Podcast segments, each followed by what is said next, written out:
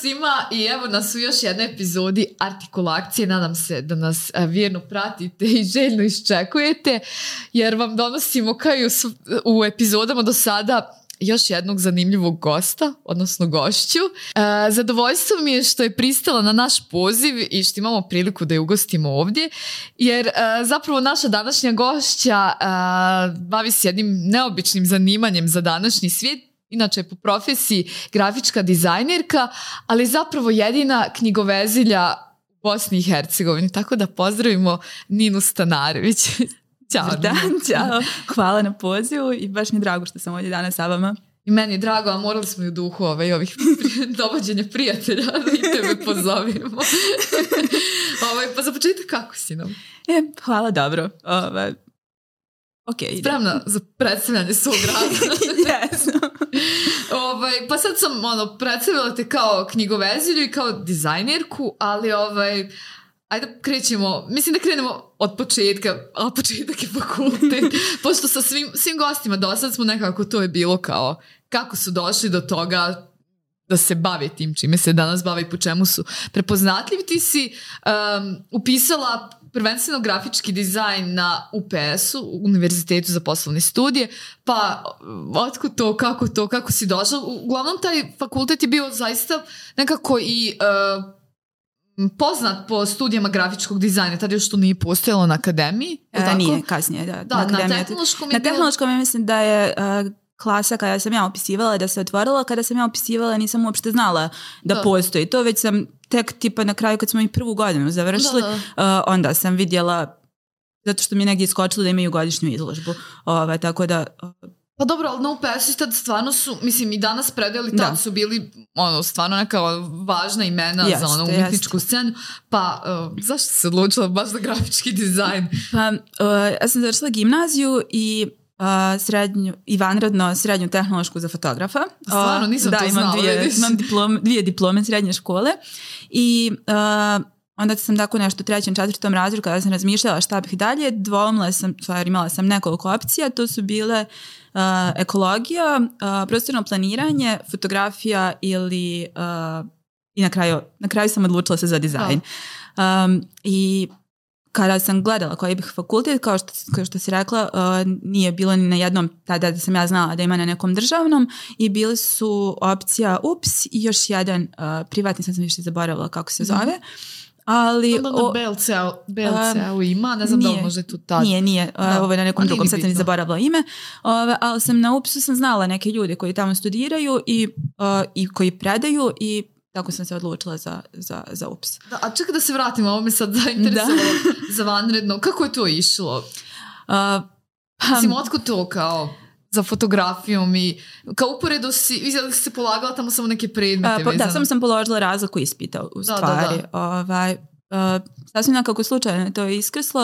Uh, komšinica uh, dole radi i nešto je, uh, ne znam, nekako je ne znam nija u stvari kako je došlo do toga uh, i moji roditelji su bili u fazonu kao hajde završila kao od gimnazije same nemaš ništa poslije, sad ne znamo šta ćeš upisati dalje, hajde neki ono zanat ili nešto tako da završiš da imaš neku diplomu kao kad ono ona nam može pomoći ono da da, da upišem to u stvari da, da, da. oko tih ispita Ova, ja onda sam, ja sam tad baš dos- dosta se e, interesovala za Mhm. fotografiju, za analognu fotografiju, završila sam kurs, bila u Cedubalu i mi je baš bilo interesantno to Da. da, ovaj, kad sam vidjela da ima... Kad već mora zanat. Da, i, ovaj, tako da sam ja iz gimnazije upisala, uh, završila sam trogodišnji zanat.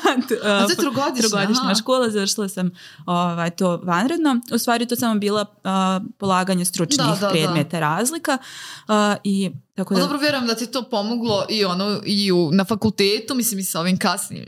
Pa Ovaj. mislim suštinski uh, to je sve bilo uh, to je više nekako bilo pro forme, Mhm. ova, zato što kad su oni vidjeli da ja dolazim iz gimnazije onda Ma i da, da. se ja uh, interesujem za sve to, više su bili neki razgovori sa tim profesorima. Aha, nego što praktičan rad. Da, da. Dobro. I uh, bio je jedan profesor koji je je znao da sam ja to u Cedubalu takođe završila, tako da sam tamo suštinski imala taj praktični dio Mm. ovaj, i me, mene pa da baš dosta interesovala uh, lomografija, odnosno Mhm. lomografi, uh, eksperimentalna analogna fotografija, tako da njima to bilo bukvalno osvježenje neko da pričaju o nečemu novom Da. sa nekim ko dođe, pošto najčešće ljudi koji dolaze polagati vanredno pola, to su osobe koje su završile trogodišnju pa polažu nešto četvrogodišnje da, da, da, zbog da, znam da. Ovaj, tako da sam ja nekako suprotno to sve uradila i eto.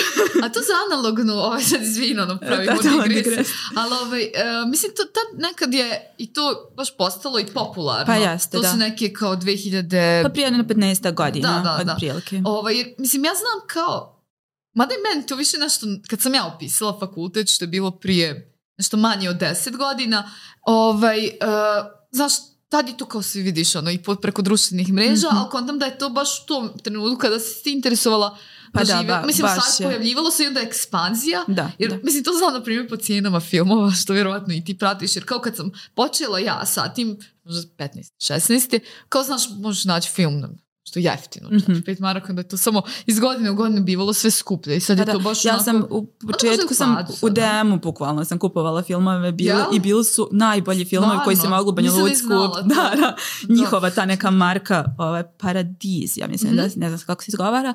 Ovaj, oni imaju generalno taj kao uh, fotografski program i Da. dalje. E, to znam da, su, da Mhm. imaju, Ove, ali film. su im, bili u Banja Luci kupiti filmova Da, i nas genijalno. troje četvero koji smo u Banja Luci se uh, bavili time, bukvalno ono kako, kako im dođe nova isporuka mi odemo i pokupujemo sve filmove. Ja sam, ja sam da dosta, radila sam ovaj, negdje i dosta sam putovala po, po BiH i bukvalno gdje god odemo, prvo idem u DM da pokupujem filmove što Da. imaju da imamo da, da, u ono zalihama. Ono, mislim, pričala smo ti, ja nedavno, kao ne, ne možeš gdje kupiti film, ono. Bukvalno, da, ja imam nekih zaliha još uvijek u frižideru što držim. Da, Jer- ja sam zadnju koju sam ti dala ispucala. pa da. I još i, a, mislim, problem je kao što nemaš nigdje taj film da izradiš. Mislim, imaš jednu fotoradnju, ali postoji, ovaj, uh, postoji film koji se tamo ne mogu izraditi. Da, da, tu. pošto za svaku vrstu filma postoji različita hemija Mhm. kojom se razvija, tako da A jesi razmišljala da ti počneš ono to da radiš, da nabaviš tu opremu? Ja sam i mislim da još uvijek imam bookmarke sačuvane za, za, svu, za kupovinu te Da? hemije i sve to, ali ne znam, na kraju na kraju nisam. To je bila bukvalno neka hiperfiksacija koja je trajala nekoliko godina i uh, u ovoj fotoradnji gdje sam ja izrađivala filmove ovaj, stvarno su mi izlazile u susret svim mojim eksperimentima, Mhm. ovaj, tako da nešto nisam ni imala potrebu da, Da, da, da. sama, uh, jer sam imala gdje da to radim. da, da. Ovaj, Da, pa to je baš zanimljivo. Ali da se vratimo na uh, dizajn i fakultet. Nekako uh, u tom periodu se javilo interesovanje za ono zbog čega smo te izvali, čime se zapravo danas baviš, po čemu te znamo, čemu te znaju svi, a to je knjigovestvo. Ali sam dobro a, ovaj, ali uopšte kako je došlo do toga i kako ti je uopšte bilo to iskustvo na studiranje, pošto do sad smo imali, izuzev Pavla, sve ovaj, ljude koji su završili akademiju. Mhm. Evo ti si prva kao... da.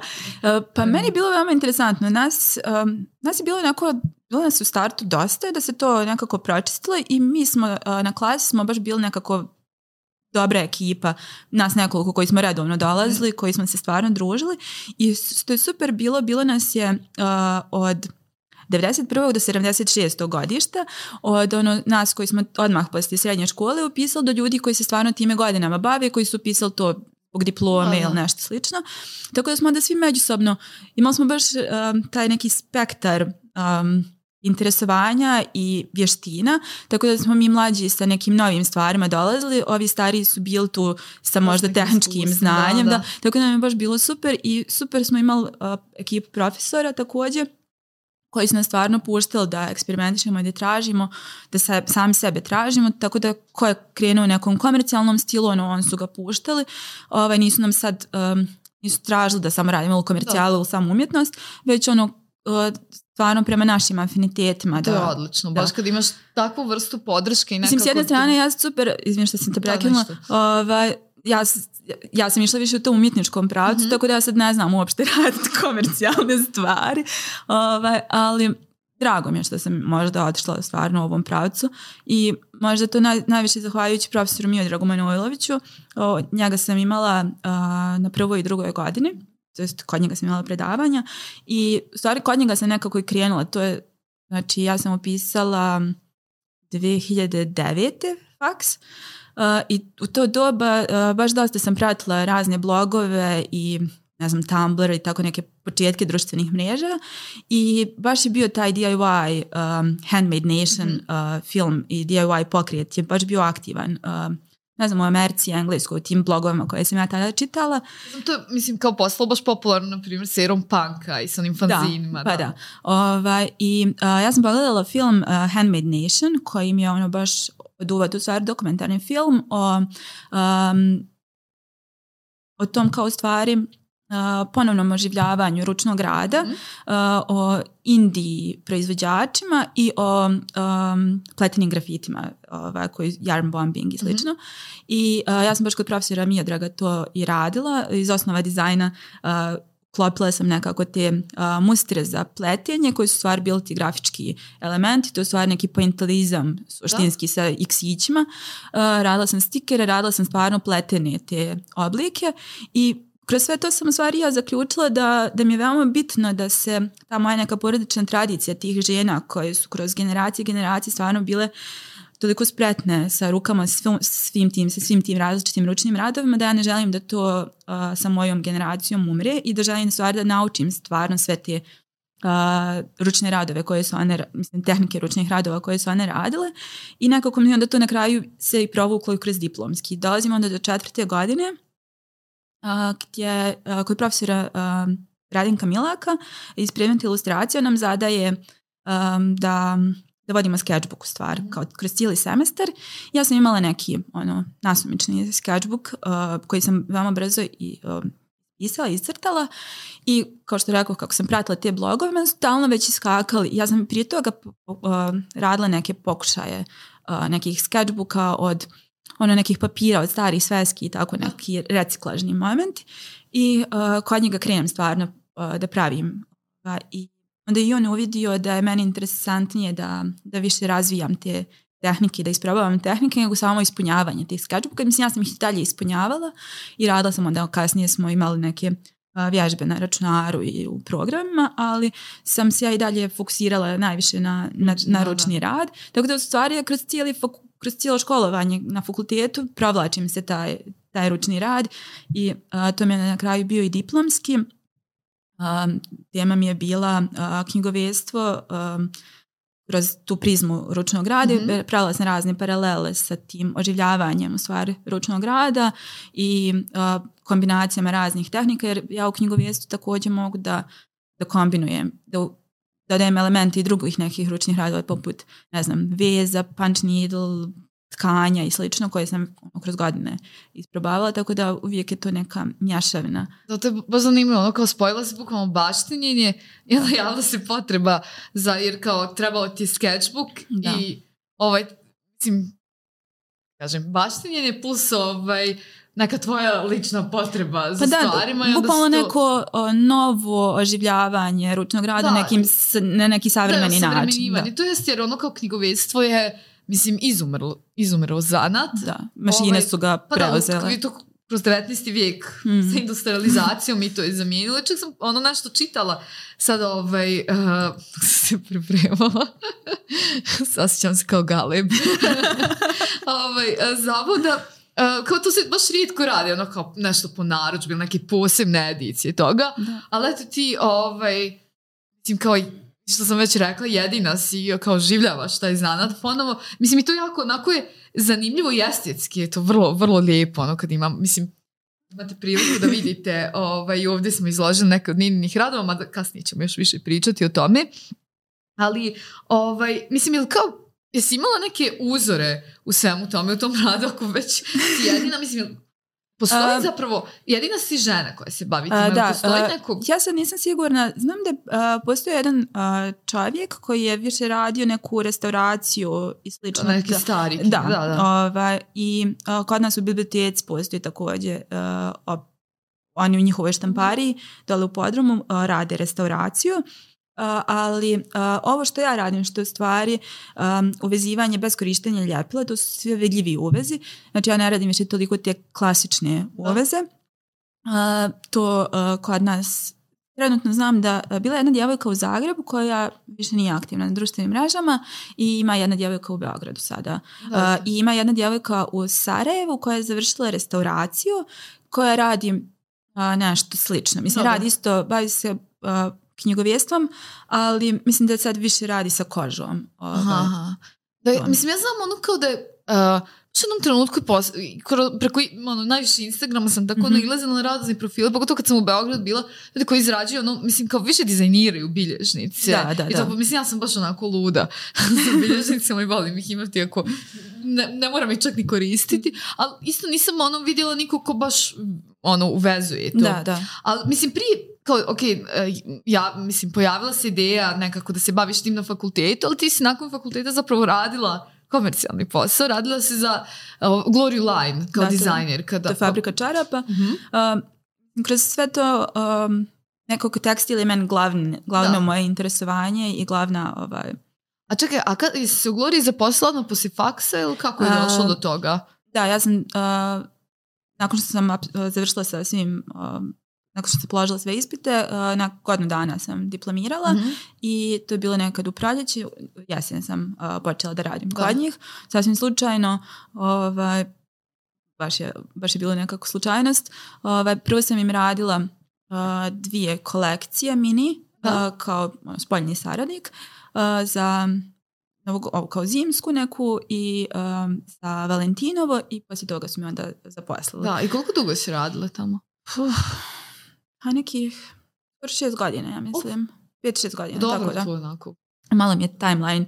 Ja sam Sam sigurna sama sebi. Ali mislim, baš je zanimljivo to jer kao imali smo za, na početku ovaj ove sezone podcasta, baš dizajnera koji mislim koji su tek na akademiji koji rade više onako neke posteri bavi se tim Mhm. stvarima, ali ti si baš ono kao radiš ti kao produkt dizajner. Da, da. Kaže. I, I ovaj, eto imaš i tu perspektivu tog rada, ono malo komercijalnih za jednu firmu gdje se ovaj, Da, i radila to sam fabrici, bukvalno. Da, da, da. Ovaj, to je stvarno... Kako je to izgleda ti, ono, Pa, osmisliš me- kako će izgledati Da, meni je bilo veoma to interesantno, zato što to se bukvalno nadovezivalo na taj uh, projekat što sam imala kod profesora uh, Manojlovića. Mhm. Ja sam tamo radila, to nazvala sam ga opleti, jer tu sam radila baš te kao mustre za, za vez ili za Mhm. pletenje.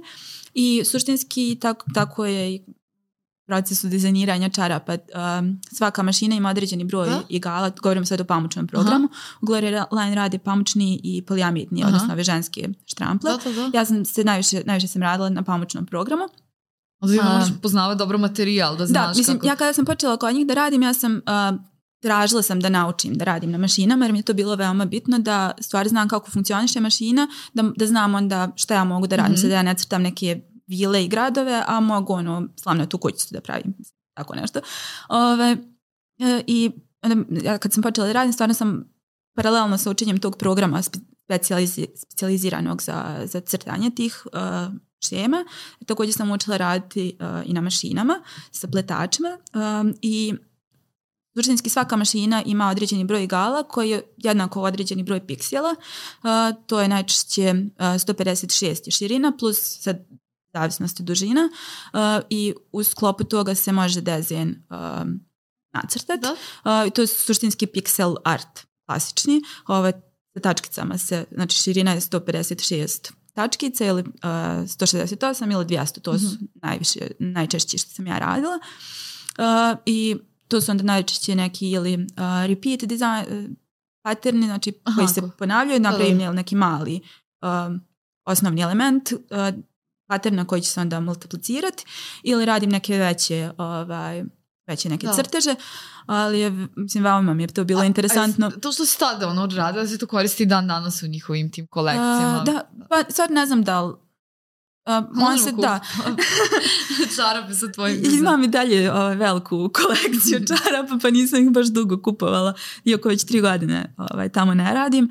A, još uvijek imam u zalihama, ovaj, tako Vjerujem da, da ste dobro pa da, ovaj, uvijek sam ono, sve svoje dizajne sam uzimala Da. i dijelila, poklanjala prijateljima, da. svima. Ovaj, ali baš bilo to skroz interesantno. Ovaj, ta, u stvari, neka ograničenja koja uslovljavaju kreativnost. Mhm. eh, ja, ja to volim. Da, Da. da. imam da u sklopu tih nekih ograničenja, ovdje su to recimo ograničenja bila određeni broj boja i um, koliki taj stvar dezin može biti da se predivo sa zadnje strane, sa unutrašnje strane Da. čarape. Ne, sad ne smije to biti neke preuske ili preširoke uh, između dvije boje recimo.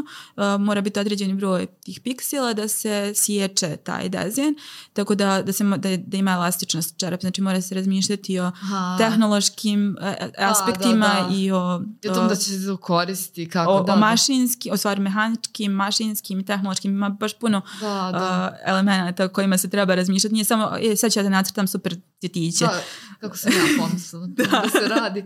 Pa dobro, da, i to je baš zanimljivo. Mada, Jer uh, tu se, to, to je bitno za naglasiti, uh, posljednje vrijeme sam vidjela da se pojavljuju čarape koje, na koje budu uh, ispletene jednobojne čarape i radi se štampa na njih. Uh, u Glory Line oni rade uh, baš uh, plet, mašina plete da, dizajn. da, da, da. Tako je. Zanimljivo to. Ali, ovaj, uh, da to kad kažeš ograničenje, da, mislim i sad to što radiš, mada ti kao, bar, bar po tvojim, ovaj, tvojim radovima, po, po stvarima koje radiš ne izgleda kao da postoje ovaj, prevelika ograničenja jer koristiš i razne materijale i tu su, i estetika je poprilično različita, ali ovaj, do, mislim doći ćemo i do toga, nego, uh, mislim, da li si se dok si radila tamo bavila i dalje Uh, ja sam, ja sam. Ovaj, uh, prvobitno sam radila od kuće, Aha. Um, sam onda 2017. sam iznajmila garažu i tu sam bila negdje do, do decembra 2020. i od decembra 2020. pa i dan danas sam u jednom poslovnom prostoru. Ovaj, Da, u tvom ateljeu. Ali uh, to je, znači prvo si, danas imaš svoj brand uh, Studio Tisa, uh, zapratite na Instagramu. Uh, možemo to poslije naravno ispromovisati još, ali uh, počela si prvo sa tim kao brandom supa, je li Da. tako? Pa, I super. to si dok si radila u Glory Line-u Da, pored to je bukvalno sam, uh, dok sam radila diplomski, sam krenula sa tim, jer mi je baš bilo interesantno praviti te isprobavati nove uh, vrste uh, tih uveza i I tad si radila uglavnom sketchbooke, jel? Si... Da, prvenstveno sketchbooke. Um, suštinski uh, pronašla sam uh, knjige, nekoliko knjiga, uh, sad sam se, mogu se sad na prvu sjeti autora, ali se zove non-adhesive binding, odnosno uvezi bez korištenja ljepila, to su sve vidljivi uvezi. Ja imam tri knjige od Kid Smith, ali nisam 100% sigurna, ovaj, autor. I one su mi ovaj, bukvalno kao, kao Biblije ovaj, i još uvijek nisam ono isprobala sve, sve vrste uveza.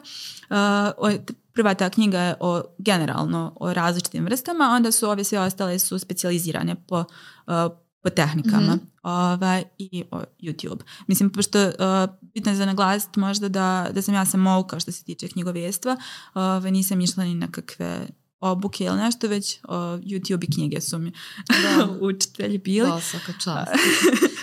Ova, I mislim da je u stvari najviše to, to eksperimentisanje koje meni nekako i dan danas i deset godina kasnije nakon što se sve, nakon što sam diplomirala i što, čime se to bavim, uh, eksperimentisanje, isprobavanje tih novih, to mi je nekako glavni pokretač ovaj, i ti, ti neki izazovi kad mi neko se Da. javi sa nečim interesantnim da mu napravim ili Aha. ovaj, da se nekako izmjestim iz, Da, da, iz neke, ovaj, A kako izgleda uopšte u- uvez?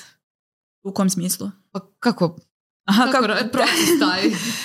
Pa suštinski uh, ja radim pet različitih vrsta uveza trenutno.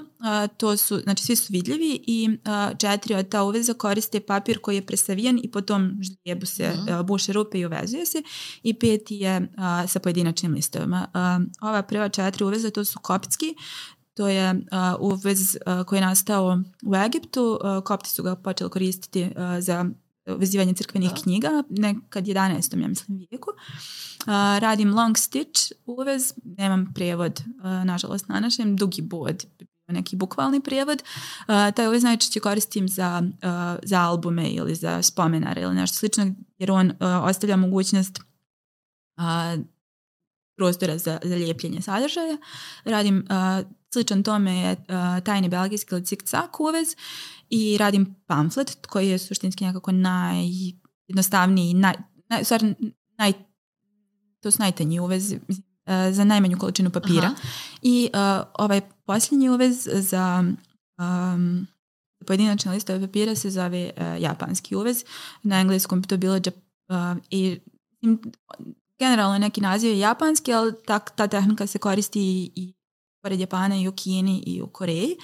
I um, sa na engleskom on to zovu uh, stab binding, zato što se buše rupe uh, s jedne strane i onda se kroz to uh, prošiva. Ovaj, uh, proces je jednostavan suštinski, imaju ono skroz neki full jednostavni poput japanskog i pamfleta i to su uvezi koje ja najčešće radim uh, kada držim radionice, jer su uh, mogu biti veoma prosti, mogu se onda i nadograditi kasnije. Uh, suštinski pripremi se papir, dimenzionira se na. -huh. na format uh, koji će biti finalni proizvod. Uh, korice mogu onda da budu ono, ili samo neki malo deblji papir hamera ili da. nekog dekorativnog papira, ali se mogu raditi koža, uh, platno, ja radim, što imam CNC mašinu, radim i drvene korice sa gravurama, znači tu su mogućnosti ovaj, ogromne. Um, papir se ispresavija uh, i izbuše se rupe i sad svaka vrsta uveza ima određenu uh, tehniku. Recimo kopski se uvezuje vodoravno, znači da se od, od ne znam, do, s jedne strane se kreće sa lijeve ili sa desne, da. zavisi kako ko hoće. Šije se prvi, uh, prvi tabak, odnosno prva skupina papira se šije za, za korice i onda svaki sljedeći uh, red uh, tabaka se on se ovako kao omčica kači za, mm -hmm. za ovaj prethodni. Dok recimo uh, long stitch uh, uvez se uh, šije, napravi se korice iz tri dijela, znači prednja, zadnja i središnji hrbat i uvez se uh, šije za hrbat, uh, dok uh, tajni belgijski, odnosno cikcak uh, uvez ima anegdota je super za taj tajni belgijski dobio je naziv tako što je uh, neko je bio u Belgiji i iz Amerike neko da je došao vidjeli su taj uvez i uh, mislili su da je to neki stari ono, uvez, ali uvez stvar nastao 90-ih godina i u Ameriku su ga donijeli kao tajni belgijski novo otkriveni uvez, ali u stvari to neka žena, mislim da je tako 90-ih, ova, između tačno sigurno između 80-ih i ranih 2000-ih je nekada nastao, tako da ona ga sama naziva zigzag, odnosno zigzag uvez. Uh, on je interesantan po tome što imaju dvije vrste uh, dvije etape uvezivanja. Prvo se uh, prednja, zadnja korca i hrbat se uh, jednom tehnikom spajaju u jednu -hmm. cijelinu i onda se uh, papir kači za to. On je recimo interesantan za, od njega pravim herbarijume zato što ti listovi uh, mogu da šetaju po, po hrbatu tom, uh, tako da onda može da da se prilagođava sadržaju koji će se unutra lijepiti. Tako da ga koristim za drvene fotoalbume ili za, za herbarijume. Da, zanimljivo. Čekaj, možda sad nešto možemo i pokazati od Pa toga. da, ovdje imam uh, kopski uh, i uh, to je to je sad varijacija long stitch uveza, ali se zove buttonhole, odnosno kao rupica za, za dugme. Zato što ima taj prorez na, na hrbatu, to je ovo ovdje. I onda sam još napravila sa ovom prozorčićem na, na koricama. Platno sam oslikavala i radila sam, to je iz jedne serije gdje sam imala, znači ovaj gdje su korice oslikane, a jednobojni papiri, a drugi je bio s jednobojnim koricama, a oslikanim papirima. da, da, a šta je od ovoga koptski uvez? Um, ova, ova tri. da. Znači, on kada se uvezuje, uvezuje, ja ga krenem sa prednje korice, ovako u stvari uvezujem. Prvo uvezujem ovaj prvi tabak za koricu i onda idem uh, ka gore. Da, da ga otvori. I to je, to je taj uh, dizajn sa CNC mašine gdje uh, radim gravure, da, odnosno kao duborez neki uh, sa drvenim koricama. Brand. da. A ovaj, uh, ajde još ćete poslije ovaj. Mm -hmm pitati o, o, ovaj, samim tehnikama, ali um, us, mislim, prije CNC mašine to si radila, mislim nisi radila onda ove kao, da. Uh, i to je bila samo supa. Sa CNC mašinom poče, ali da, zašto supa? Pa, uh, zato što sam, uh, kada sam razmišljala to nakon, uh, kada sam završila sa svim ispitima i u tom uh, odugovlačenju pisanja diplomskog rada, završnog rada, um, razmišljala sam šta, šta ono, kao i dalje sam čitala sve te blogove i svi su nešto radili, onda sam ja željela da nešto radim i sve mi to bilo super. Tada sam naučila i da, to je počela sam da koristim šivaću mašinu, lagano sam učila da šijem i nekako mi je, stvari imala sam neki koji ne mogu više da pronađem spisak riječi koji smo ono kao zvučale super. Da, da. I bukvalno sam, mislim tako nekako i, i studio Tisa isto nastao sa nek... Svidio mi se dizajn koji sam napravila za vizualni identitet Da, da. Za, za sve to. Iako sam za supu izmijenjala, ja mislim, 5-6. Ovaj, svake ono nek, svaki, svako onako malo se mijenjala. Ali mi nekako supa a, mi je sjalo tu zato što i kada se kuha supa, ono, to je najčešće miks raznih stvari. Da. Ovaj, tako da mi je, ovaj, super mi je to bilo. A zašto nisam u stvari nastavila kada sam registrovala biznis sa supom? Um, nekako mi se možda više ta estetika nije toliko uklapala sa ovim drvenim programom. Da, malo si sad proširila, da. A, da, i onda sam se odlučila za, za studio Tisa kao, kao naziv. A, Tisa je Tisa kao drvo, ovaj, to je u stvari svijeto drvo kod Slovena i a, ja dosta interesujem se za, za botaniku i za biljke A, i Tisa je veoma interesantna po tome što je sva otrovna, znači cijelo drvo, bilo šta da se udahne, pra, piljevina ili pojede nešto, ovaj, sve je otrovno, osim a, ona periodično ima a, crvene a, plodove i samo taj mesnati vanjski dio otrovan. Da, da, viš. Tome. A to se uvijek iznenade kad pričam s tobom zapravo. ja sam hodajući fun fact za, za biljke. Da. Ali e, kad je zapravo osnovan studio Tisa? Studio Tisa je osnovan 9. juna prije dvije godine. O, Znači skoro ste Da. napunili. Skoro napunila dvije godine.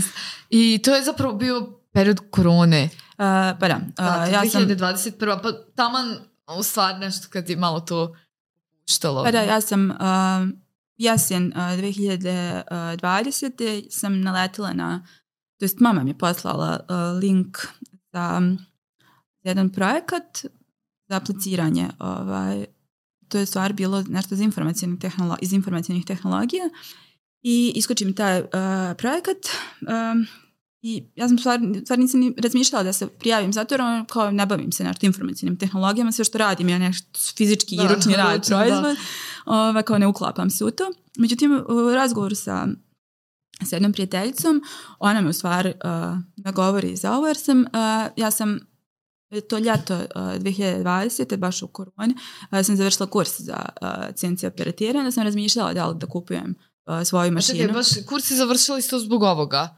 Kao to te bili, zašto? Uh, treba, Bilo bi da, ja, ja volim da učim nove stvari. Da. uh, tata me nagovorio na, na to. Opet, ajde ima zana. pa da, bukvalno, kao ajde nešto. Ovaj. Uh, I završim ja taj kurs, uh, moram da se pohvalim da sam uh, imala najbolju ocjenu od svih muškaraca Da. koji su bili sa mnom na, na Da, da, da, kursu. ja pa sam jedino, jedino žensko. Muško, Da, bila sam, bila sam jedino, ovaj, jedina ženska osoba, uh, možda čak dvije, tri ovaj, kao te generacije. Da. Više su žene tu išle na, za tapetare, recimo. Aha. Ovaj, a ovdje sam, ovo ja jedina sam bila.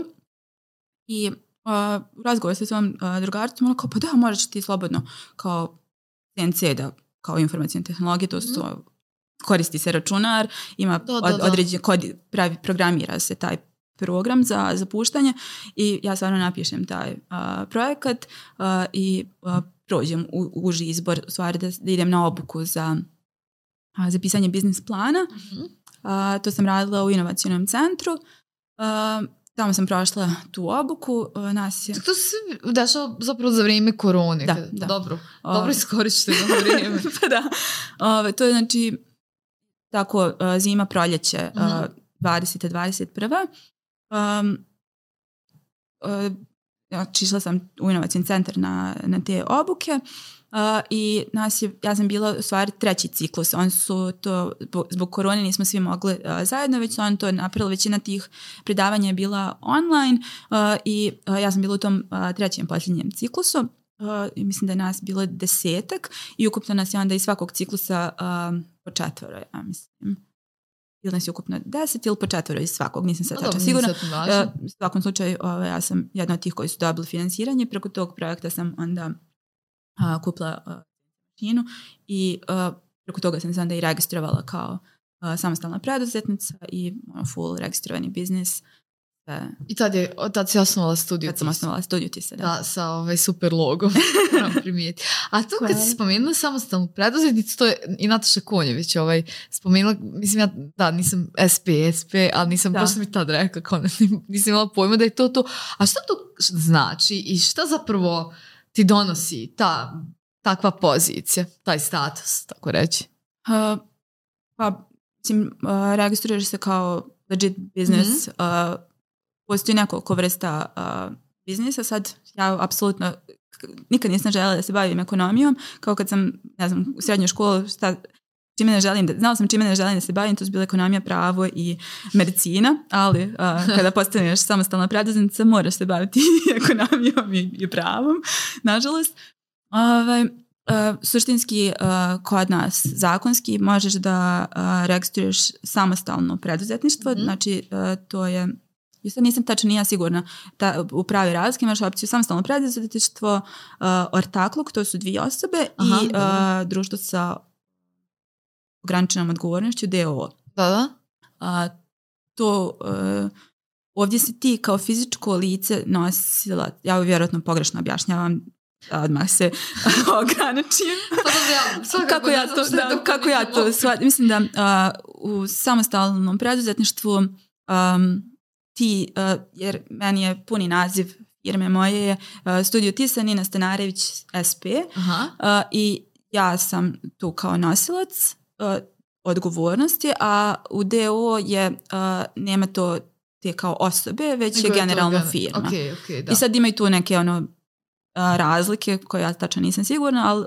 Um, A čekaj, to se ti dobiješ na određeno vrijeme, taj, mislim, Ne. koji, ne, tu Ne. sad ti Ja sam se registrovala, da, I to je pla- to. moje je da plaćam uh, porez, uh, doprinose i ostalo. A ili ima ono nekih kao, mislim, koji su sad plusevi koji ti taj ono status? Uh, Ja Samo sam, da možeš kao imaš svoje stvari, ti možeš tu izaći kao legit brand i Da, ti da. si to, ne, nije mislim, kao... ja, ja uplaćujem sebi doprinose, Da, da. zdravstveno i sve Aha, ostalo. okej, da, Baš sam je. kao ko bilo koja Ok, ok, firma. To, to, to, sam, to, to, To. to sam i razmišljala ovaj, o tome.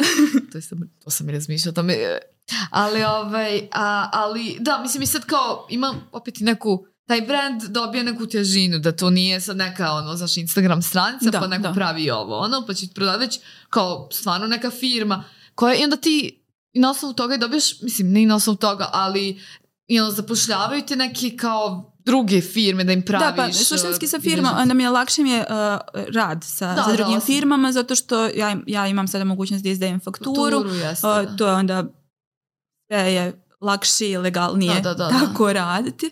Um, ja mislim da još imaju opcije, uh, ja trenutno razmišljam, morala bi se to još sa nekim da posavjetujem, da li da možda se preregistrujem u stari zanat, postoji ta opcija Mhm. i uh, postoji sta, uh, stvari stari umjetnički zanati, uh, tako da se kod nas se umjetnici mogu registrovati, ja mislim isto kao kako se to zove, sad nisam ja tačno sigurna pravno u, u Da? gradskoj upravi. Pa ne, mislim da je baš ima status umjetnika. Da, da, da, pa ima ono slobodni.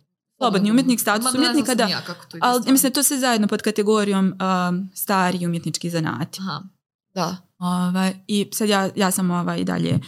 Uh, Ali dobro, to nema Da. ništa sad značajno promijenilo. da, to, mislim, Mislim, samo kao to brand va- vanjski vidimo. gledano Da. apsolutno nikome Da. ništa ne znači osim, osim meni. Da.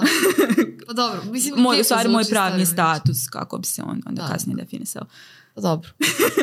Mogu te postaviti puno. Ali, ovaj, em, sad, mislim, radiš, naravno, sketchbook, sketchbooke, počela si da radiš bilježnice, spomenula si herbarium, više ni to nisam znala, um, albume, i ovaj, isto, mislim, dosta koristiš se sekundarnim i recikliranim, odnosno ti isto recikliraš ovaj, razne materijale kroz eh, taj proces. Spomenuli ste da te zanima ekologija. I naravno, mislim, pogotovo to je baš aktuelno, ono, današnjem trenutku sa svim klimatskim promjenama i, i eh, zagađenjima i ostalim što se dešava eh, i sa čime se svi mi ono, trebamo ozbiljno suočiti i sad ti nekako i kroz svoj rad, mislim, ne znam da li ti tako gledaš kao da aktualizuješ i nekako skrećeš pažnju na taj problem. Ili Pa- to je prosto samo zato što ti Uh, imaš pa potrebu moje, lično? moje ovaj, ja sam se za ekologiju počela zanimati još u osnovnoj školi. Bila sam uh, u ekološkoj sekciji, nastavnica biologije vodila ekološku sekciju. Meni je to od uvijek bilo. Ovaj, ne znam sad u kom smo razredu, osmom, devetom smo čak imali ovaj, ono, kroz biologiju neke ekološke teme meni je to od uvijek bilo preinteresantno.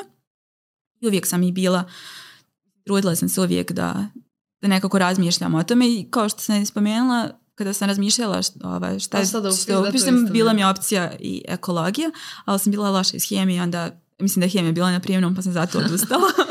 ovaj, ali nekako mi je to, mislim, ovo nisu ovo ja su bile svjesne odluke, ali nisu bile svjesne odluke da to radim da budem nešto drugačije, već meni to bile svjesne prirodne odlu- odluke.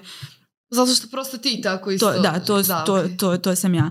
Um, uh, pogotovo kroz rad u tekstilnoj industriji, uh, istraživajući za, za moj prethodni posao uh, stvari, sad spoznala sam i vidjela sam ono, kroz sve to koliki je u stvari um, tekstilna industrija ogromna zagađivač. Da, da, znam, to, to sam baš, i- čak sam gledala neki podcast o tome, ono, Da. to je drživoj modi, kao zapravo koliki je to problema koji, ono, možda još nije toliko na globalnom nivou. Pa da, osjećan. recimo u svijetu ljudi kad naručuju online stvari, kada se vrate, ako ima ne odgovaraju, Da. kada se vrati, te stvari se bacaju uopšte, Da, ne idu nazad da, u da. cirkulaciju, mislim, užasno. Da ne, ne pričamo sad o, o gotovom proizvodu, već sam uh, proizvodnja sirovina ti je isto, ne znam, um, pamuk, koliko vode koristi za proizvodnju, koliko pesticida se koristi. Znači to je toliko ogromna i široka tema i generalno tekstilna industrija je jedan od najvećih zagađivača. I meni je to od uvijek nekako bilo uh, svjesno o tome konstantno 20 godina razmišljam. Ovaj, i, Pa da, i to, ali to je stvarno baš zadnjih par godina vrlo aktuelna tema. pa da, uh, ne znam da li se toliko, ja ne znam kako se, globalno da li postoji neka politika prema tome i da li se nešto radi na tom polju. Uh, pa nakon posljednjih deseta godina, um, kako se one zovu, um, Fashion Revolution ima pokret nakon uh, neke ogromne nesreće u Indiji gdje je poginulo nekoliko hiljada radnica u nekoj fabrici uh, zbog tih užasnih uslova rada. Uh, oni su pokrenuli uh, Fashion Revolution gdje svake godine u stvari trude se kroz različite kampanje da um, da, da, da, da približe tekstilnog radnika krajnjem, krajnjem kupcu. I problem je u stvari najveći u tome što uh, svi ti tekstilni radnici rade i kod nas je generalno uh, za tekstilnu industriju je posebna uh, osnovica za obračun plate, uh, znači posebna je generalno kategorija i, i generalno u svijetu uh, tekstilni radnici zarađuju mizerne plate, pogotovo ne znam u Indiji, u Kini i slično, uh, dok ti onda krajnji proizvodi koji oni šiju da. basnoslovno skupi. I ta, uh, ta, ta rupa između, znači koliko oni zarađuju i za koliko oni proizvode taj komad i to kako se on prodaje je užasno. I kroz Fashion, Revolution uh, oni pokušavaju da, da upoznaju uh, ljude sa, sa osobama koje stvari proizvode njihove uh, proizvode. Uh, to, to je nešto što sam ja, što ja Da, na pratim. koji način to radi? Uh, pa promovisanjem uh, održive mode, promovisanjem održivih materijala, uh, alternativa uh, brzoj modi, uh, vraćanje na sporu modu, odnosno slow fashion, um, promovisanje uh, kvalitetnijih materijala i kvalitetnijih proizvoda koji su mogu biti jasu, skuplji, ali du, duže, Duže traju. jasno. Um, uh, promjena uh, načina uh, farbanja materijala, da to budu neke sigurnije boje za, za, za osobu koja nosi Da, to. da, da. Ovaj, tako da to baš je to, tekstilna industrija ogroman ovaj, stvarno spektar i nekako ja sam kroz sve to, uh, kada sam počela da se bavim uh, sveskama, ja sam sve su bili neki eksperimenti i neka um, ispikavanja šta ja mogu da radim sa uh, ne, neklasičnim sirovinama od kojih se tu inače pravi ono kad, kao, kako, se, kako se trebalo praviti. Jer prvo kod nas uopšte ne može, ne mogu se ni nabaviti neke ovaj, specializirane sirovine, tako da sam ja ono isprobavala čime mogu kako mogu to da radim. Tako da sav tekstil koji ja koristim je, uh, znači jel kupujem restlove, uh, koristim staru odjeću, koristim, uh, kupujem, ako kupujem, uh, kupujem second hand radnjama. Uh, trudim se da također radim eksperimente sa, sa ja bojim platno gdje ga oslikavam. Boje koje koristim, trudim se da budu, koristim tu neku, koristim akrilnu boju, ali je takozvana hibridna, koja je dosta pokrovna, tako da je dovoljan skoro jedan, najčešće jedan samo sloj, tako da samim tim smanjujem količinu te sirovine koju Da. trošim. Papire, 80% vrsta papira koje ja koristim Da, to je baš posebno, mislim, Ovaj, priča su- o papirima. da, su uh, reciklirani i posljednjih, posljednje neko vrijeme sam počela da recikliram svoje ovaj, sirovine, odnosno da pravim sobstveni papir od sobstvenog otpada, ovaj, što mi je veoma interesantno, samo što nemam dovoljno vremena za, za sve to. Nisam iskoristila ljeto da to, da napravim neku zalihu da, da se može sušiti. Ovaj, ali mislim, kroz ovu svu priču stvarno se vidi da dosta o tome razmišljam i Da, da. interesuje me ovaj, nekako mi je kroz sve ovo paralelno kao što sam spomenula na početku tekstil mi je dosta mi je bitan ali prirodno bojenje platna sa prirodnim sirovinama znači skupljanje bilja u prirodi to je veoma mi interesantno korištenje invazivnih i korovnih biljaka u urbanim sredinama koje rastu, koje se mogu koristiti za, za bojenje, ovaj, imaju različite tu tehnike. Ja sam da trudim da isto što manje mislim, hemikalija, to je toliko generalan pojam, ono svoje hemikalije, ali generalno tih nekih težih hemikalija da, Da, da koristim, a da opet dobijem postojan proizvod uh, zato što imaju boje koje su uh, koje same u sebi imaju uh, substancije koje pomažu da se pigment veže za platno, dok, ne znam, recimo super primjer je kurkume koja je znamo, isprlja sve živo kad sa njom radimo, ali ona na suncu uh, izblijedi, bukvalno sa platna nestane. Ovaj, ako se ostavi, ne znam, ja sam radila eksperiment gdje sam 10 dana uh, na prozor držala komad platna zaljepljen baš da vidim.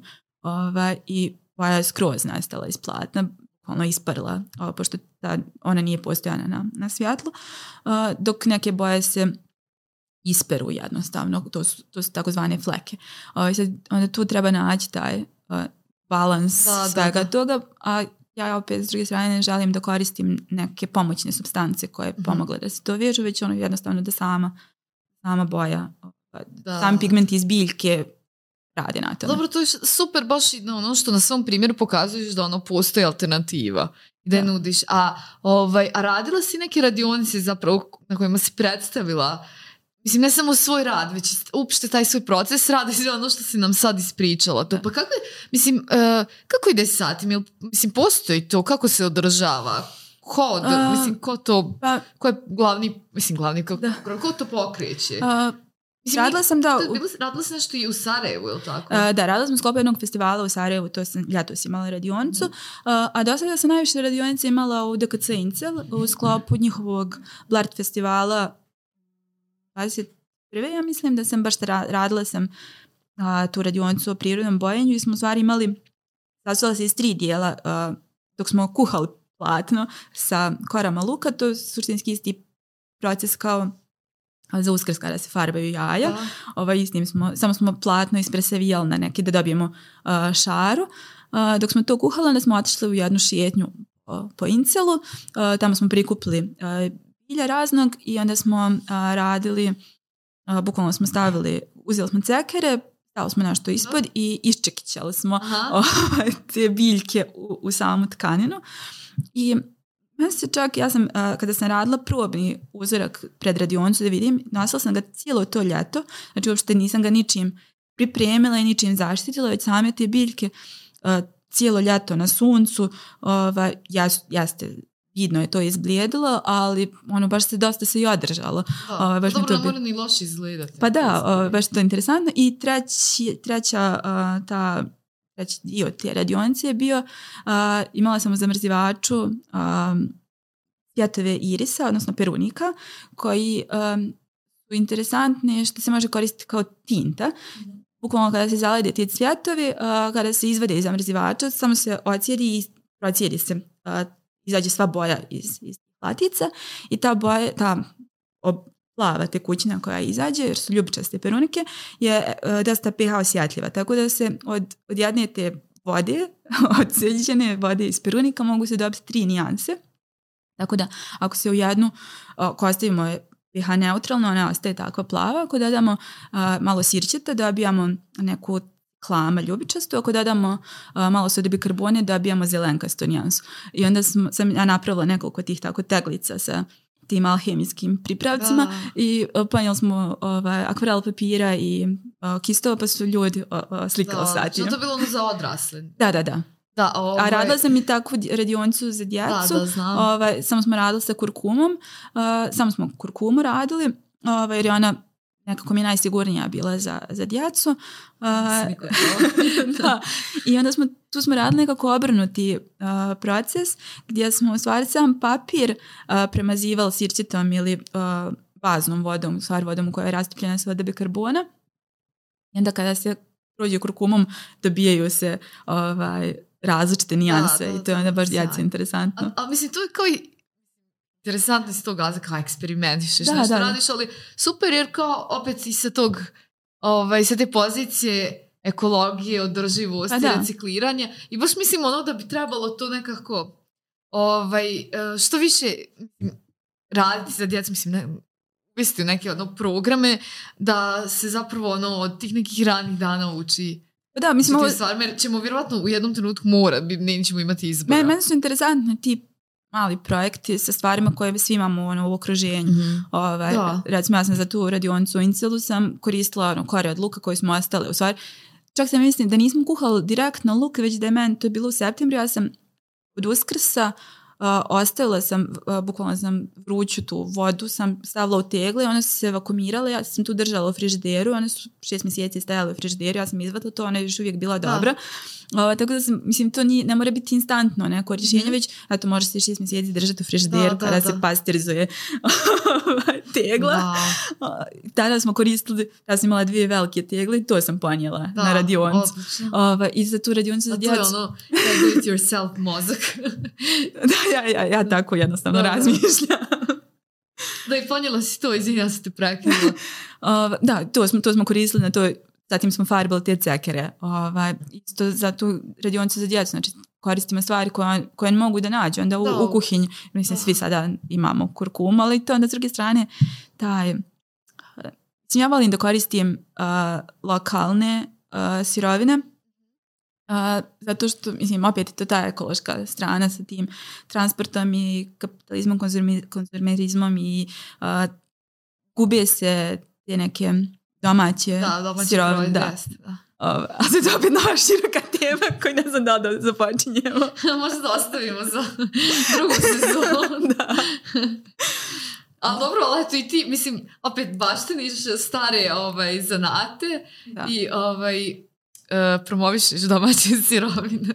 Da, meni je nekako, uh, stvari kako sam počela da se bavim, nekako mi je cilj, što još nisam, sad sam napravila svoj papir, ali baš bih voljela da napravim uh, svesku koju sam ja svu sama napravila.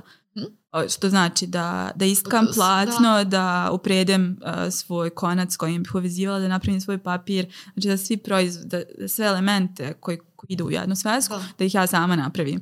Ove, to mi baš neko neki Ako neko da odlučimo pisati master, to bi mogao biti. da, to je da. isto. Pa dobro, vjerujem da ćeš ono i stvar. Mislim, ne, s masterom ili bez njega, ali ono, ovaj, ide sve ka tome. ali, ovaj, ma super je to, ali, um, ovaj, sad kao, i ne, ne skačemo previše na drugu temu, ali ovaj, uh, da se vratimo među ljude. uh, oh, jer ti izlažeš uh, na, mislim, izla, na tim raznim nekim marketima, učestvovala si u nekoj takvoj vrsti uslovno rečeno projekata. U Banja Luci je popularan taj pop art market i ti si redovna već neko vrijeme tamo. Pa da, ja sam bukvalno kako pravim uh, veske tačno 10 da. godina u septembru uh, 2013. sam izlagala prvi put u sklopu pop art market je tada bio u sklopu Fusion Design Vika mm -hmm. uh, i tada sam prvi put izlagala, tada sam imala nekoliko sketchbooka i nekoliko nekih oslikanih nesesira tarbica, nešto sam šila. Ove, I eto već deset godina tamo izlažem. Posljednjih godinu, otprilike godinu dana sam počela ići u Sarajevo na jedan market, na market, Orea, da, Art Bazar. I oni čak imaju stranicu gdje se može kupiti. Da, ja imam uh, web shop uh, na, njihovoj, na, uh, na njihovoj stranici i kod njih je super interesantno što oni imaju često te akcije za kupovinu uh, putem platnih kartica, ove, imaju neke razne pogodnosti i popusti, tako da slobodno to da, Da, pratite. i, i mislim, taj, baš mi pričala da je Oreo, taj baz, Oreo, baz, Orea, da. e, da je jako, uh, Oreo. Nije keks. Gladna sam. Šalim se. E, pa Orea, bazar da je jako i posjećen u Sarajevu, jako Uh, popularan. Da, da, da. Mislim, v- velika je razlika između uh, publike u Sarajevu i publike u Banja Luci. Um, nekako, mislim, ja to kažem, deset godina ovdje ovaj, izlažem i trenutno sam u posljednjih nekoliko godina uh, sam i u organizaciji, iako u posljednje vrijeme uh, ne toliko aktivno, ovaj, ali uh, vidna je razlika. Mislim, ja sam uvijek kao kad ljudi su pričali nešto protiv Banja Luke ili ostalo, ja sam uvijek se zgrožavala na to, ali nažalost, uh, kada sam otišla u Sarajevo, neuporediva je publika ovaj, sa... brojni, ja znam. E, Ne što je brojnija, već što nekoga ima svijest uh, za ručni rad, uh, gdje, ne znam, u Banja Luci uh, meni ljudi uopšte ne mogu da da percipiraju da, je- da, da je ovo sve ručni rad. Znači ja uzmam da kupujem velike listove papira koji su 1,70 da ih ja sama ručno presavijam i režem. Znači da svak, svaku etapu ovoga da ja da prođe sve kroz da, da moje je ruke. potrebno ono stvarno vrijeme i trud. Da, zato. jer uh, u početku kada sam počela tek da izlažem, ljudi su mislili da ja ono samo kao krašavam korce kupovnih nekih stvari, pošto je, bili su prije ta, takvi Da, neki da, proizvod. Ova, I meni je dugo godina trebalo da u stvari objasnim ljudima da ja to ne radim, već da sve radim posebno, dok u Sarajevu uh, baš imaju ljudi svijest uh, generalno, za, sad ne samo za moje proizvode, već za, za uh, modne brendove, za nakit, za keramiku, za apsolutno sve što ljudi i dalje rade Da, da, ručno. Da, I onda se to njeguje. Da. Tako, pa dobro, Mislim, mislim, to je prednost velikog grada. pa jeste veći grad. Da. Ovaj, i, i, mislim, opet, vjerovatno ima i više sadržaja tog tipa, Da. nego ovdje, mada ja opet, isto se nadam, baš sa pop art, sa pop art marketom i takvim, takvom vrstom inicijativa imaš, ima i onaj neki fairy tale sajam, Mhm. i te razne stvari da, ono, možda se i ovdje svijest poveća i Ja potražnja. se iskreno nadam da hoće. Ovaj, Mislim da pop art market je baš onako dobar brand, onako, mislim, to se dešava. pa da, pa eto, mi, uh, 11, 10-11 godina. Ovaj, Znači ti skoro od početka pa da, zanima. I ovaj, i, t- mislim, kako uopšte, sva rad kad si rekla da već si u organizaciji, e, mislim, mogu se prijaviti, ja znam da imaju neki otvoreni Da, konkursi uh, i pa to. možemo tako. Suštinski, što se tiče organizacije, mi kada organizujemo svaki market, bude uh, konkurs uh, gdje uh, ljudi trebaju da ispune određeni Da. obrazac, pošalju nekoliko fotografija svojih aktualnih radova i nas četiri koje smo u organizaciji, dvije akademske slikarke, mislim, jedna slikarka i jedna grafička, Da. dvije osobe, dvije djevojke koje su završile akademiju, uh, psihološkinja i ja smo u organizaciji u žiriju, mi Da. biramo Ko će, da, ko će da. da, izlaže, jer uh, mi su suštini kada smo preuzele uh, Pop Art Market od originalne ekipe koja je to uh, vodila, smo odlučile da, da to baš, trudimo se da imamo nekako, možda to, možda to zvuči kao neki elitizam, ali nama to nikad nije bio cilj, već smo stvarno željeli da promovišemo nekako urbanu, mladu ekipu koja stvara neki super proizvod u Banja Luci, koji stvarno ima u Banja Luci, ima dosta super ljudi koji kao ručni rad. Mislim, to kao ne mora biti ljudi iz Banja Luke, ali da, da, Da, da. bude ručni rad uh, mladih dizajnera, umjetnika, slikara, što god, ovaj, koji pravi neki super cool proizvod. I mi smo ono same biramo ko, šta je to nama super cool i to su najčešće stvari koje mi stvar, sami želimo da, da imamo ono kod sebe. Ovaj, I već se nama ono, nekako se uh, iskristalisala i publika koja nam dolazi i ljudi koji nam se prijavljuju. Mislim, č- stalno imamo i novih ljudi koji nam se prijavljuju, ovaj, tako da to baš... Ovaj, Pa to je super. Super, I da. to baš onako, to se uglavnom dešava u domu omladine, jel? A, da pa da, i mi smo I imali... koliko često godišnje, izvini? Sve zavisi od, od na, pošto nama to nije osnovno. Da, primarno zanimanje. ni- Da, ovaj, tako da sve zavisnost od naših ovaj, obaveza, ali između 3, 5, 6 puta godišnje Da, da. zavisi koliko smo mi Pa to stvarno. Ovaj, imali smo nekoliko um, pro- proba sa nekim drugim lokacijama koje nam se nisu pokazale. Ovaj, recimo imali smo jedne godine staklencu Aha. uh, gdje nam bukvalno niko nije došao. Aha. Da, ovaj, imali smo tih nekih pop-up marketa minih u, u Joko kafiću Da. koji dok je postojao.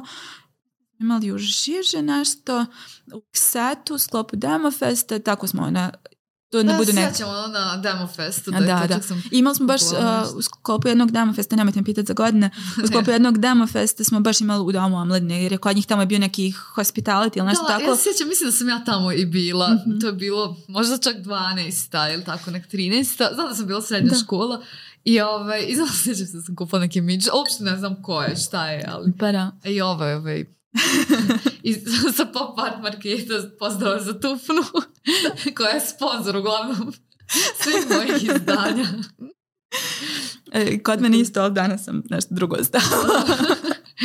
ali, ovaj, ali podržavamo Da. ovaj, mlade brendove, Da, ovi e, autori brendove, s obzirom da je-. A, moram da uzvratim to, ovaj, s obzirom da je Tufna je bila skoro u jednom podcastu Da, i da, mene je preporučila, tako da a, Nina je stvarno, To jedna- super i od mene sve preporuke. da, također. jedna od najdivnijih osoba koja ja stvarno poznajem u svom životu i koja stvarno a, pravi toliko Predivno. precizno i toliko pedantno i toliko prelijepo i a, stvarno, Slažem se. I tako, i tako je e, estetika, eklektična, šarolika, stvarno predivno. Obožavam ovaj, e, njen Mislim, njen rad. Mislim, ja inače jako gotivim duše. To sam si još išla nakratko da sam šalim.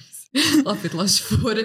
Ali, ovaj, ali e, baš onako, kad sam vidjela njen ono kao radovi, ono, wow, evo ga, to je, to je to moja je to, osoba. da. I baš super. Radi, mislim, i generalno ima stvarno pop art market, super stvari i raznih proizvoda. Mislim, eto, tu mi smo spomenuli sad, naravno, tu si i nakit, ali imaju tako, uh, i prodaju se i neke kreme i Da, ima slike, od prirodne crteži, kozmetike, da. a, akademskih slikarki Da, do da, da. A, djevojka koja šije a, Lulux, koja šije Da, torbe, torbe, a, i ruksake, Ružica Panjić koja radi ono, wearable art, Da, da. ra- radi odjeću sa svojim slikama, Da, i- prirodne kozmetike, ne Da, znam. bila je neka djevojka, ja znam da je drugarica ono kupila uh, za svog uh, psa neki kao povod koji Da, da, da, cool sam zaboravila kako se, Na, kako na, se ona zove, da. se nije, ali ovaj, da, tako, čisto da budu razne stvari, tako da dolazite na pop art ovaj, vrijedi i pratite kad će biti, mislim, idite Mislim na da svoju da, sada, će, stranicu. sada bi trebao jedan biti jesenji uskoro, tako da. Pa da, to ide nekako s godišnjim Da. kako sam primijetila. A, a sad, ti imaš, mislim kao sam svoj čovjek i nekako i ta promocija je zapravo na tebi. Pa kako, koje su, koji su kanali komunikacije koje ti koristiš? Uh, društvene mreže, ovaj, ja imam ono full love-hate relationship sa tim. Ja se prvo da se izvinim, možda previše koristim engleske poštapalce, ali Nema bukvalno sve čitam na englesku, tako da mi je Da. već... Mm, Ovdje je da. o, slobodna zona. Za sve. A, da, baš je ovaj. Iako imam baš užasno dugo iskustvo na, na društvenim mrežama, od, ne znam, MySpace-a sa početka ovaj, Jo. fakulteta, sa osnovne srednje škole u Da, stvari. ja sjećam kad sam sam bila 2005. osnovna, kao bio MSN, to je tog vremena. Imam, imala sam MySpace profil kraja osnovne početak srednje škole, znači 2005. Znači Da. skoro 20 godina. Ali s druge strane, korištenje društvenih mreža u privatne svrhe i korištenje društvenih mreža u biznis svrhe je ono neuporedivo. I ne znam, meni to, meni generalno to nije nekako prirodno, to konstantno izbacivanje sebe kao osobe koja nešto radi, koja, mislim, jasno mi je zašto, se, zašto je to i svi vole da vide osobu iza nekog brenda i ko to pravi i jasno je da to a, algoritam to i gura i promoviše i ljudi vole da vide nekoga, ali je meni to baš užasno teško, tako da ono nekako uvijek pokušavam se da balansiram sa tim svim. A, ne znam, život... Ali društvene mreže tu imaš, imaš na Facebooku? a, sam- Imam, skoro sam napravila, pošto ja Facebook godinama nisam koristila, Da, pa sam da, ga da. sada skoro napravila. Imam i TikTok, gdje isto nisam uh, toliko Instagram aktivna. baš Instagram je glavna. I mislim i sam profil ima nekako lijepu estetiku, to ono, i muzika uvijek. ovaj izbor. Uh, I uh, čak si stavila i neke analogne fotografije, jel da, iz studija? da, imala sam skoro, stvarno, imala- skoro sam Nešto si... Postavila sam analogne fotografije sa prvog nekog marketa, Aha, baš ovog da. malo prije spomenutog, to sam pronašla u nekoj arhivi svojoj. A skoro sam, da, iskočila mi je reklama na Instagramu kao um, budite cool sa novim vintage kam kamerama, a vintage kamera je ono kao idiot mali, onaj pljasnati digitalni fotoaparat i ono baš sam se osjećala staro zbog toga. I onda sam se sjetila da u stvari imam negdje, pa sam nekoliko videa sada snimala tim. Ovaj. Imam neki mali kodak. Ovaj. Biće opet.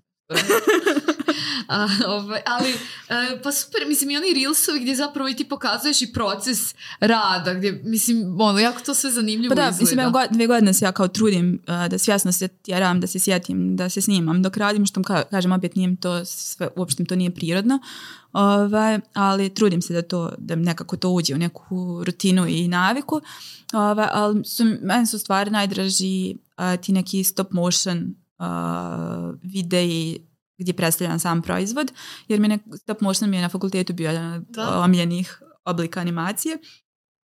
Tako da, ba, baš mi je to, baš mi je to interesantno. Ali sad, opet onda s druge strane, kao već to neko duže vrijeme radim, da li mi je i meni je malo dosadilo, da znam da li ljudima, i non stop ja to sve preispitujem i overthinkujem apsolutno svemu. Pa dobro, mislim, ono kao, opet, kao, mislim, radi, ono, od ovoga živiš i moraš biti prisutan, ono, u javnoj seriji, kao, nisi komercijalizovala to vjerno si sebi, nekim svojim principima i prosto, ali ono, mislim da to kao... S druge ne, strane, ne znaš koliko proizvoda, mislim, ljudi, toliko stvari se dešava na tom Instagramu da. i ono, mislim da kao, čak i ako izbacuješ puno, ono, kad ostaviš telefon i zaboraviš. Ono, Da, bukvalno negdje marketing, neki mar, marketinški neko je, kao marketinški trik je da ti u stvari sedam puta moraš nekome nešto da kažeš na društvenim mrežama da u stvari on to vidi. Da. Tako da to neko ponavljanje nije toliko ponavljanje, samo što ja tu, ja imam, meni je to glavni fokus, pa mi onda, meni je Da. već to je sve Pa isto. dobro, naravno, Da. ali, pa dobro, mislim da kao... Ali kad, kontam kad neko gleda to kroz neki feed, da ono, Pa meni to, na primjer, eto ja te ono, pratim, imam još isto tako milion nekih stvari ljudi Mm. koji bukvalno pro, mislim, prodaju, prezentuju svoje Da, da. stvari. Preko Instagrama meni to ništa nije. Ovaj. Mislim, volim kad neko to radi onako lijepo i da zadrži pa neku ja se trudim da ne budem prenapadna, a da opet ono kao pošaljem poruku, jer ono kao, Da, i da se vidi. meni je ovo posao, ja moram od ovog da živim. Ovaj, I mislim, trudim se uvijek i da idem kad god imaju te neke um, obuke iz marketinga ili slično, kao što rekao, to mi nikako nije prirodno i nisam nikada željela time da se bavim, ali eto sad moram. Ovaj, i, ali s druge strane, uh, to ništa, to što oni promovišu, stvar, na tim obukama koje oni rade, to su najčešće neke generalizovane priče i uh, nikada to nije uopšte primjenjivo uh, na moju vrstu posla, jer nekako moja niša u kojoj ja stvaram je dosta baš i specifična i svi ti neki tips and tricks koji se pojavljuju na netu i kod ljudi koji to apsolutno nisu primjenjivi uh, na mene, tako da opet je ono sama nekako kopam i dobro, guram i... Pa dobro, znaš, ono, kao radiš uh, zanat koji je, kao mislim, Trudim se da, da, da ne... prevaziđen, tako da, reći, zastario, ali kao moraš ih modernim, moraš modernim kanalima da ga, da. ovaj, da ga I stalno baš kao i guraš. zbog toga onda razloga što je on mislim, totalno je mehani, uh, počeo da se radi mehan, mašinski, Da, nema gdje ga ono ko više. da to radi. Uh, mislim, jedine, generalno, mislim da jedine stvari koje se rade, osim ako nekih artisanal proizvoda, su restauracije starih knjiga i to su najčešće opet, i kao, tako i knjigove su i krenule iz crkvenih knjiga. Da. Ovaj, um, s druge strane, ja sam da trudim baš da to budu onda neki uh, namjerno radim onda i vidljive te uveze, da sam taj uvez bude koliko je i estetski i funkcionalan i da to bude u, samom tom dizajnu uh, proizvoda namjerno iz tog Mhm. razloga radim te vidljive, ne radim te klasične tvrde poveze kao ne znam, sve Da. knjige, jer Da, da, da. to, tako sam odlučila da se izdvajam iz klasike. Pa dobro neke. da budeš ono autentična u Pa tome. A, a kako m, sad neko ko gleda ovo i zainteresuje se na, na za tvoj rad, naravno zapratite na Instagramu i kako da dođe do, da li se dovoljno da se javi neko na Instagramu i da poruči. Mislim ti naravno imaš ponudu svoju na svom profilu, da li neko može kao da se javi s nekom svojom idejom da vi se vidite kako šta, Da. to je isto otvoreno. Uh, da, suštinski ja imam gotove proizvode koje ono, najčešće Da. ja objavim u, imam u onom highlightsu na, Da, da. na profilu koje trenutno imam uh, dostupne proizvode, ali u posljednje vrijeme, sad posljednjih nekih godinu dana najviše i radim uh, narudžbe, personalizovane proizvode, to su najčešće tako poklone za svadbe, krštenja, rođendane i slično. Da. Ovaj, to, to su najčešće ti stvari onda i um, fotoalbumi. Stvar, ja ih zovem čuvar uspomena, spomenar i, i slično. Tako isto sjajni. Ja sam je nedavno uh, poklonila svom prijatelju i ono, baš mi se svidjelo i to kao svaka beba kad se rodi to će Ove, pa da, uh, mislim, može preko Instagrama da mi se, uh, da mi se ljudi jave, iako je možda jednostavnija komunikacija da ja onda znam ako je neko iz Banja Luke da, da dođu kod mene u studio. Znači i tu je otvoreno, da, da studio mislim, jako dobro izgleda i. Studio u suštini funkcioniše na principu da se ljudi meni najave, da, da dođu. Da, I onda mogu i da vide i tu nešto. Da, odlično. i da vide, ako žele da vide uživo proizvode koje imam već gotove ili da ovaj, da nešto napravim, lakše mi je objasniti neke stvari, mm. imam gotovih nekih uvijek primjeraka, pa mi je lakše objasniti kako, će to, kako bi to da. moglo izgledati, nešto što bismo pravili. A i, mislim, ja sam prva taktilna osoba, volim da pipnem ovaj, sve, tako da, da, da pipnem papir, da pipnem da. platno, da vidim kako je to pod rukom, jer ne mogu, ne mogu ja teksturu objasniti fotografijom ili videom, iako se trudim da to objašnjavam, ali mekoće papira ili da. razliku sad između pamučnog papira i celuloznog papira ne mogu objasniti video već moraš da pipneš da, da, da osjetiš pod rukom. Pa dobro, znači super je to što je studij TISA, mislim, otvoren. Da, znači... Za, za sve ovaj koji... A, možete me naći na, kad kucate na Google uh, Studio Tisa ima, da, ima. tačna lokacija, pa, dobro, ovaj, ali ja ovaj, najčešće pošaljem. Ja koja nisam od mučanka sam uspjela naći, tako da, da. Ovaj, nije toliko komplikovano. A, još sam htjela reći da, a, mislim, kao mi smo sad pričali sve vrijeme o knjigovesti to, ali pošto imaš CNC mašinu, radiš još jednu super star koju ja znam da radiš, koji si radila nama za Galeriju Plus, a to su ukrasi. I uh, to je isto kao još ne, ne, neka stvari koji, mislim, radili ste to i ranije. Novogodišnje ukrase. Da, da. Tako da i to je još jedna od stvari koje možete bliži, mislim, bliži nas uskoro. da ja već, da ja se već trebam da počnem da radim. Da, ovaj, imajte u vidu da e, i to je ovaj, još jedan od proizvoda. Da, radila sam takođe i a, drvene neke tacne, zdjelice mm -hmm. i slično.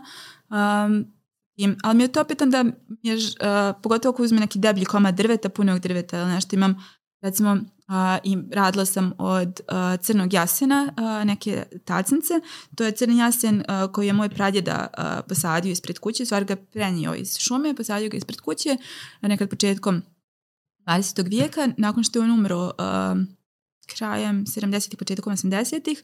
Uh, nakon nekoliko godina deda je posjekao nekoliko tih jasenova i a, to izrezao u građu namjerom da nešto pravi na kraju on to nikada što nije napravio te daske stoje 40 godina ovaj, tako smo tata i ja počeli sada da, da ih iskorištavamo tata isto nešto pravi od toga ali uh, meni je držao sad ako je neka deblja daska da ja na CNC-u toliki koma daske samo ono pretvorim bukvalno da. piljevno dok dubim neku zdjelicu ili nešto tako da opet je to ajde, balans neki traženje. Šta sa tim, da. Šta sa tim, da li ostaje to samo kao dasku ovaj, ili dubiti uz djelice ili...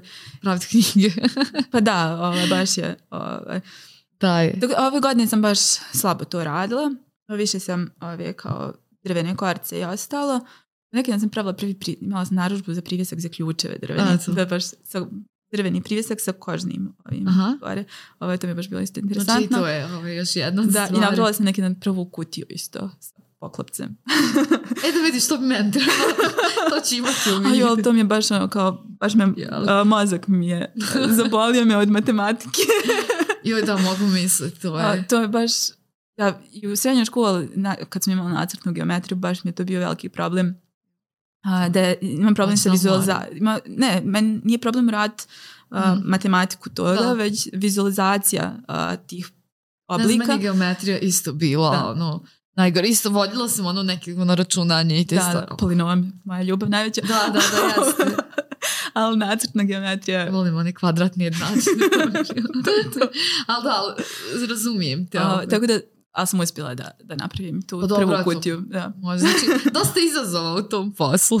Pa da, baš sam, um, danas sam objavila neki reel sa tim nekim Uh, potrudila sam se da, da pronađem stvar najrazličitije klipove što sam ovo ljeto radila no, po, po nekoliko mm -hmm. sekundi ovaj, i samo sam sebe iznenadila u stvar koliko sam različitih stvari uh, radila mimo ovih uh, eksperimenata knjigovezačkih i tu sam radila dosta novih tehnika sam, uh, pravila sam stalke za markete, baš za kada smo išli u Sarajevo, ovaj, djevojkama iz Tekne.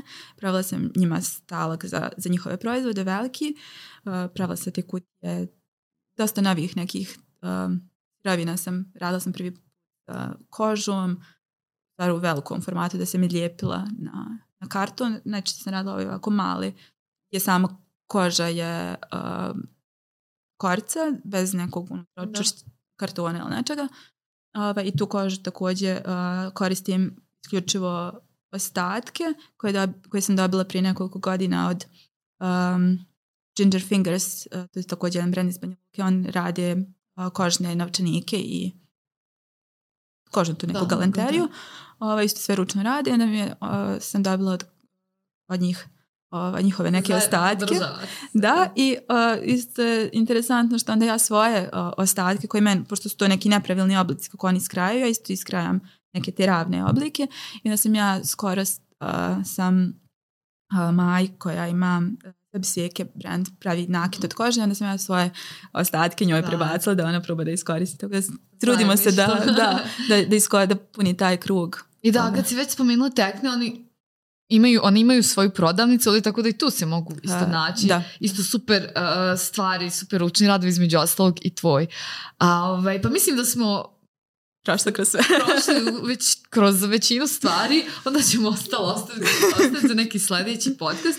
I mislim da je, mislim, hvala ti što si onako detaljno objasnila i svoj proces rada i približila nam ovaj, neke ideje koje stoje iza toga. Mislim da je bilo jako zanimljivo i prije svega inspirativno jer zapravo pokazuje da stvarno radiš ono što voliš na način na koji voliš to je jako značajno i moguće i vjerujem da je bilo mnoštvo prepreka i da ih je i dalje, ali ovaj, želim ti da ne odustaješ i uh, svi koji su zainteresovani za ovu priču mogu se javiti Nini, otići ili u njen studio ili naručiti rad, ja vam preporučujem ja koristim, ja koristim mnogo od uh, tih njenih bilježnica, tako da uh, odlično je, kvalitetno je i uh, ima predivnu estetiku i tako da hvala ti puno.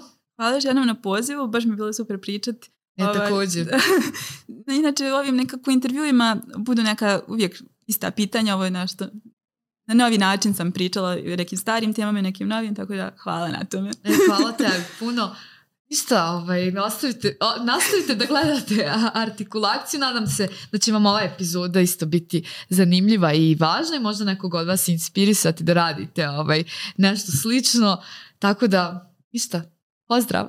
Ja bi se da još do kraja izvinila svim ekonomistima i pravnicima jer da sam nešto pramašla i pogriješila objašnjavanje ovoga. Ali, Nema za dizajner kad se to sve prašta. Dobro, to je to. Još jedan pozdrav. pozdrav.